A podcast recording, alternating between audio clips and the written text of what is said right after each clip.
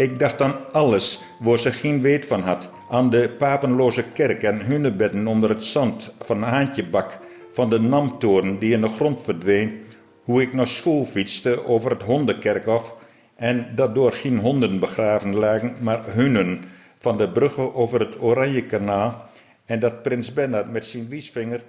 Episode 18. Neder-Saxische pastiche naar Ulysses van James Joyce. Ik pak maar gewoon de achterflap erbij. Een weergave van wat in het hoofd van Molly Bloom voorbij komt, zonder dat ze haar verhaal hardop uitspreekt. Een relaas zonder interpunctie en heel erotisch getint. In deze episode 18 vertelt niet Molly Bloom haar hersenspinsels, maar Leopold Bloom. En de verteller, Gerard Stout, is schrijver en kenner van de regio. Gebeurtenissen en overwegingen zijn gebaseerd op heden en verleden van Drents erfgoed. Je luistert naar een podcast van Drenthe Toen. Gerard Stout schreef deze episode 18 naar Ulysses van James Joyce. Ik ging bij hem op de koffie.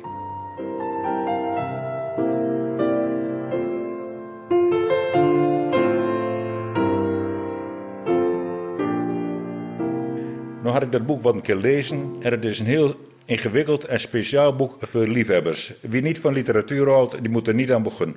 De laatste episode is uh, Molly Bloom, de vrouw van Leopold Bloom, aan het woord.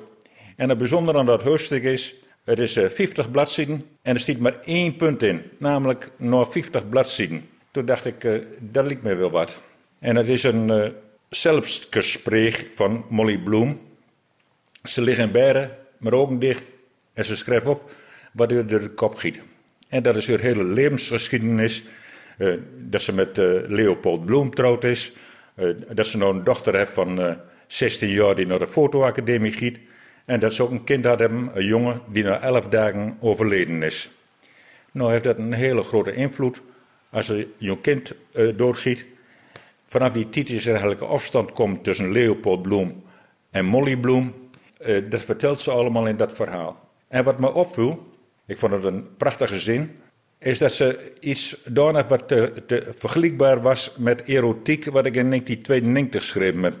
Dat was een soort estafette-seks tussen de Drentse schrijvers. Door ze heel veel rebellie van kwam. Er is nog, dat nummer is nog naar Joegoslavië gestuurd, waar de Nederlandse soldaten toevochten. De Beek even door naartoe stuurt in plaats van de Playboy. En Molly Bloom die schreef in haar verhaal als ze een man op straat ziet lopen, dan denk ze van, daar wil ik wel met naar. Dat lijkt me een die uh, grootschapen is. En al die seksuele details, die komen iedere keer weer terug. En ze zeggen dingen als, ach, overspel, wat stelt dat nou eigenlijk voor?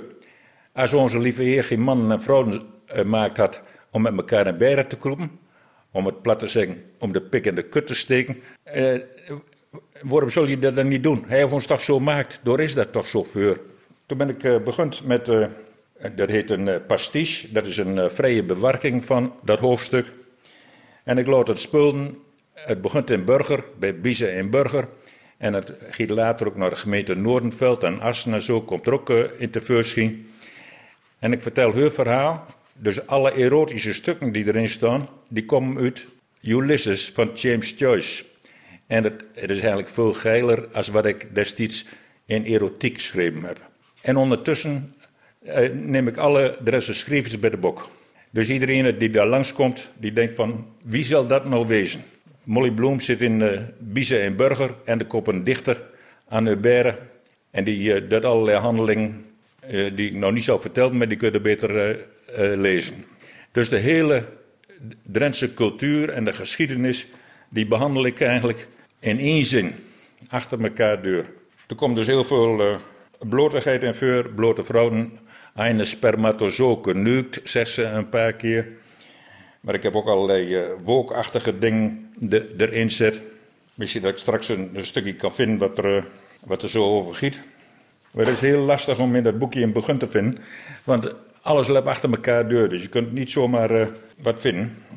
Hoe was het om een boekje te schrijven waarin je geen komma's en punten gebruikt? Dat lijkt me erg vermoeiend. Ik, ben, ik werk heel associatief. Dus als er één woord komt, dan uh, ligt het volgende woord al om de hoek. Dus uh, er zijn verschillende soorten van associatie. Als ik lepel zeg en je mag een woord noemen, dan zeg je heel gemakkelijk vurk. omdat het heel dicht bij elkaar zit. En zo giet het met klanken en zo giet het met woorden. Dus ik hoef maar iets te noemen. Dan begon ik met Bieze en Burger. Er woonde Hans Heiting als dichter. Die uh, schreef een dichtbundel Dubbel Focus, omdat hij verliefd was op zijn buurmeisje. daarnaast is er ook Jo Bergmans-Bijns, die is door begraven. Het bloedkrup waar het niet gaan kan. En dan komt Harm Tiesing vanzelf tevoorschijn. Dus van het een komt vanzelf het ander. En als je, als je dat denkt, dan denkt er ook niet in punten en komma's, maar dan giet dan één stroom deur. Het is een boekje voor liefhebbers van, nou ik zal het maar gewoon zeggen, seks en geschiedenis. Maar dit is een geschiedenisprogramma. Je haalt uh, bijvoorbeeld uh, al vrij snel in het begin Titia Brongersma aan. Dat, heb je daar een bedoeling mee gehad? Is dat een belangrijke vrouw voor je als je het over Drentse geschiedenis hebt? Misschien kun je even uitleggen wie ze was. Ik heb ook een boek van de Podagristen uh, opnieuw uitgegeven. En het boek over Burger, dat, er komt in één keer Titia Brongersma te voorschijn. En Titia Brongersma die leefde 200, 300 jaar geleden. En dat is de eerste grafschenster in de geschiedenis. Die kwam uit Groningen, die ging naar Burger en die nam een schop met en die ging bij het Hunnebed opgravings doen. Die vond er overal uh, scherven van uh, potten en botten. En die stuurde ze naar een hoogleraar in Leiden. En die man die werd helemaal verliefd op haar. Dus er is een hele correspondentie kom. Die hoogleraar heeft allemaal gedichten geschreven over een beetje in lijn met Ulysses. Van wat heb je mooie borsten en wat zal ik graag aan je flamoes komen. En, uh, dus uh, eigenlijk uh, verdient Titia Brongersma een grote plek in de Drentse cultuur. Omdat ze de eerste West heeft die opgraving gedaan heeft bij een hunnebed. Tegenwoordig is dat verboden. Maar zij heeft dat toen gedaan. En het was een hele mooie meid. Harm Boom, een van de podagristen, die heeft zelfs nog een hele novelle over haar geschreven. Over haar hele liefdesgeschiedenis samen met die hoogleraar. Dus het hoort eigenlijk gewoon in de kanon van Drenthe. Je staat bekend als een, uh, als, uh, een groot hater van wat jij uh, poëzie, Drentse folklore noemt. Kun je dat even uitleggen? Ik wil de naam eigenlijk niet meer noemen, want onze paarden die zijn verschillende kanten op gaan. Zoals ik het zie, het Huis van het dat uh, kust voor de folklorekant van het Drents. Als ik in de supermarkt kom, dan liggen door beurtbalkies, zodat je weet wanneer je aan de beurt bent. Dan denk ik, dat is pure pornografie natuurlijk. Van, uh, wil je ook een beurt hebben? En dan het volgende balkje door die dan op, uh, wil je er een putie bij? Dan denk ik, nou, dan krap ik mee met een zak, als het uh, bewijs van spreekt. Het, het Drents van het Huis van het Taal, dat is het platte het folkloreachtig. De mensen de vinger achter in de kont steken, zeggen ze dan. Van, wij zijn echte Drenten, want wij praten Drents. In het dagblad heb je ook zo'n rubriek. Hier kom ik voort. Dat is dus alleen voor de mensen die hier voortkomen. In die rubriek komt dus nooit een Molukker uit Smilde. Terwijl hij gewoon in Smilde geboren is. Nee, dit gaat over het Drents. Hoe mooi het Drents wel is. Ik kan me er helemaal over opwinnen en kwaad over maken. Maar je schrijft zelf ook in het Drents. Uh, ik heb ongeveer tien jaar lang niet in het Drents geschreven. Dit is het, een van de eerste boekjes weer in het Drents. En dit gaat over wereldliteratuur. Dit gaat niet over noberplicht en over mandielig en over andere woorden die in Drenthe helemaal niet meer gebruikt worden. Wat staat bij jou op de bossem? Ja, dan denkt iedereen op de boezem. Nee, een bossem is een schurstiemantel. Dus het cultiveren van die oude woorden die geen meer gebruikt, eh, dat vind ik vreselijk. Als je er moderne literatuur van maakt, eh, dan is dat een heel ander verhaal. Maar ik had al gezegd, eh, het van de Taal die heeft een andere richting keuzen, namelijk die van de, van de marketing. We moeten het aan een man brengen. Het moet geld opleveren. En literatuur, dat doet er helemaal niet toe. Ik vraag me af of ze er ooit wel een boek lezen hebben. Dan, uh, het gaat alleen om, kunnen we het in de markt zetten, kunnen we het verkopen. Nou, dat is de dood en de voor de streektaal. Zo dwalen we af van waar we over begonnen. Episode 18, Neder-Saxische pastiche naar Ulysses van James Joyce. Ik zou graag willen dat je een stukje voorleest, Gerard.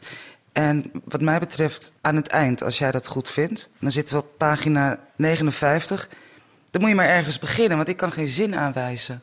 Dat is een heel mooi stukje, het slot van het boek. Uh, ik heb het perspectief omwisseld. In Ulysses dan vertelt Molly Bloom het einde, hoe ze Leopold Bloom zover kregen om bij Jurenberg te kroepen. Maar ik heb het hele verhaal verteld vanuit het perspectief van hun man, van Leopold Bloem. En dan kijkt ze terug op de keer dat ze elkaar ontmoeten. En hij wil hebben dat ze ja zegt. God van de lange smok, ze was zo wat buiten awesome. Ja, ik zei dat ze een bergbloempie was. Ja, wist en zeker, dat bent ze allemaal, bloem. Een vrouwenlief achterna lijkt het alsof dat de enige maal is dat ze het juiste zei. En vandaag schinkt de zon voor jou, zei ik. Ja, daarom hult ze van mij, omdat ik begreep of aanvoelde wat een vrouw is.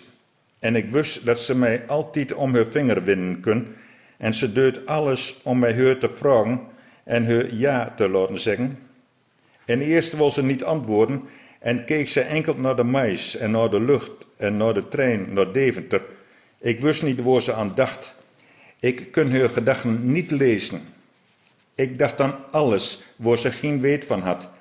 Aan de papenloze kerk en hunnebedden onder het zand van Haantjebak, van de Namtoren die in de grond verdween, hoe ik naar school fietste over het hondenkerkhof en dat door geen honden begraven lagen, maar hunnen van de bruggen over het Oranjekanaal en dat prins Bernhard met zijn wiesvinger bij zijn vrouw die stroom stoppen kon, van zes sterren in de Drentse vlag, van de Dingspels en de toren van Koevorden en landbouw en maatschappij en het martelcentrum op de weg naar Langelo aan de fietspaden en bossen van de barkverschaffing, de ontginning van het Boertangerveen, arbeiders en Hannekemaaiers uit Emsland, gereformeerden uit Friesland, de bunker bij de bruggen in Erika, van klinkerverschroevings tussen u en oe en ui, van zandverstoevings en damberen voor je never, van naberplicht en mandeligheid, en dat die woorden verdwenen bent, gelijk met wat ze betekenden. Ik dacht aan de Drentse kerken, aan Runde, A, de Bijlerstroom en Meppel als de poort in het zuiden, dat Westerbork de naam was van de Westerburgt, dat ik nog nooit een jeure treffen heb, de Hondsrug en de Veenkolonies, het Noorderdierenpark met ijsberen, met PTSS en ontsnapte leeuwen. Ik dacht aan zeven dialecten en aan elkaar niet verstaan, aan de Molukkers in de Smilde, aan Joegoslaven in Emmen, het bloemcorso in Eelde, aan de romans van Harm Tiesing, Jans Pol, Jo Bergmans-Bijns, Albert Dening, aan erotiek in het plat en de maatschappij van weldadigheid, en kolonies in Veenhuizen, muziek op de fietsen en Erika slechts vier boeren aan genoeg zand voor alle onans in de landschap.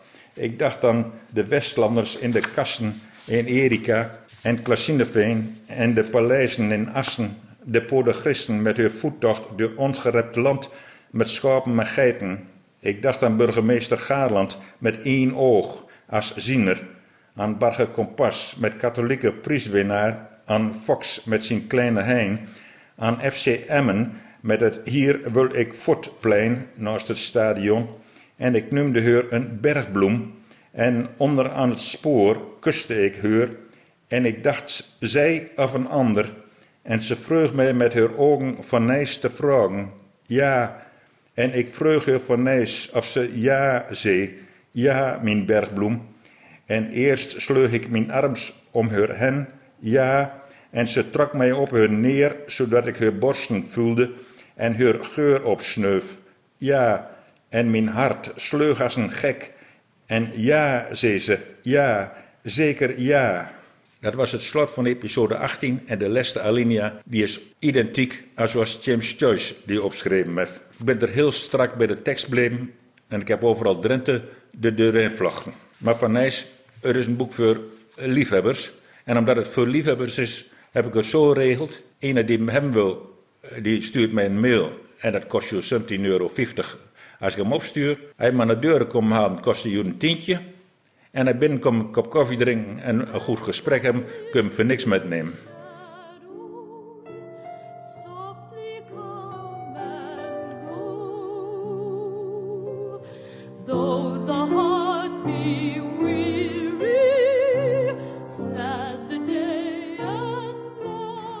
En daar konden we het bij laten.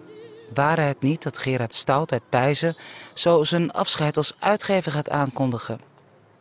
En uh, de muziek die je hoort is Love's Old Sweet Song. James Joyce schrijft erover in Ulysses. Nog één keer Gerard Stout.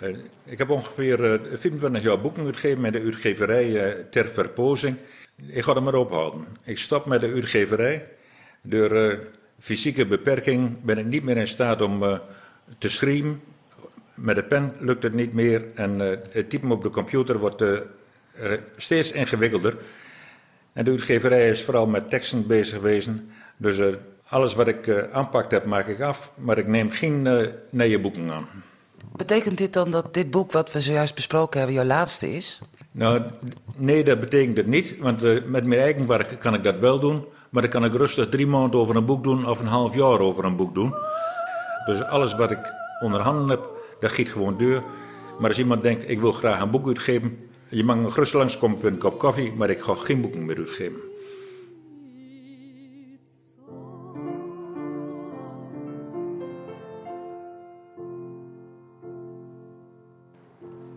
Je luisterde naar een podcast van Drenthe Toen. We hebben nog veel meer. Allemaal te beluisteren via de diverse podcast-apps. Vond je het leuk? Laat een beoordeling achter. Alvast bedankt.